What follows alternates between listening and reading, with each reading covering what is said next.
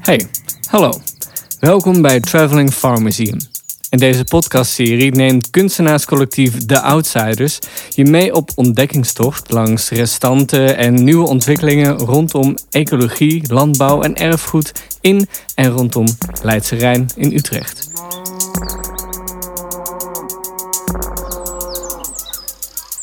Waar 30 jaar geleden nog de koeien stonden te grazen in de wei, staat nu de grootste Finex-wijk van Nederland, waar meer dan 80.000 mensen hun onderkomen hebben gevonden.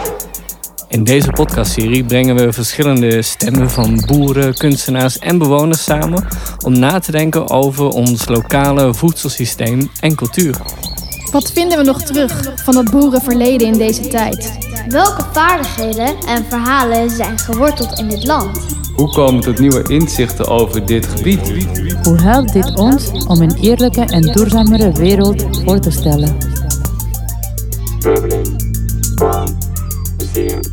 Het Traveling Farm Museum is een initiatief van kunstenaarscollectief The Outsiders en kunstinstelling Casco Art Institute Working for the Commons.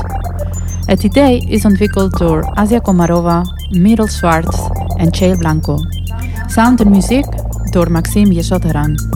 Stemmen Tom Dello en Jasmin Jesotteran. Stay tuned voor onze eerste aflevering op 30 april 2021.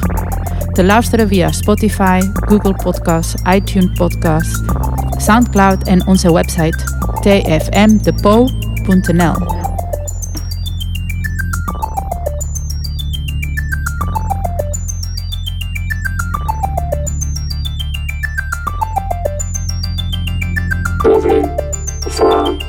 Traveling Farm Museum.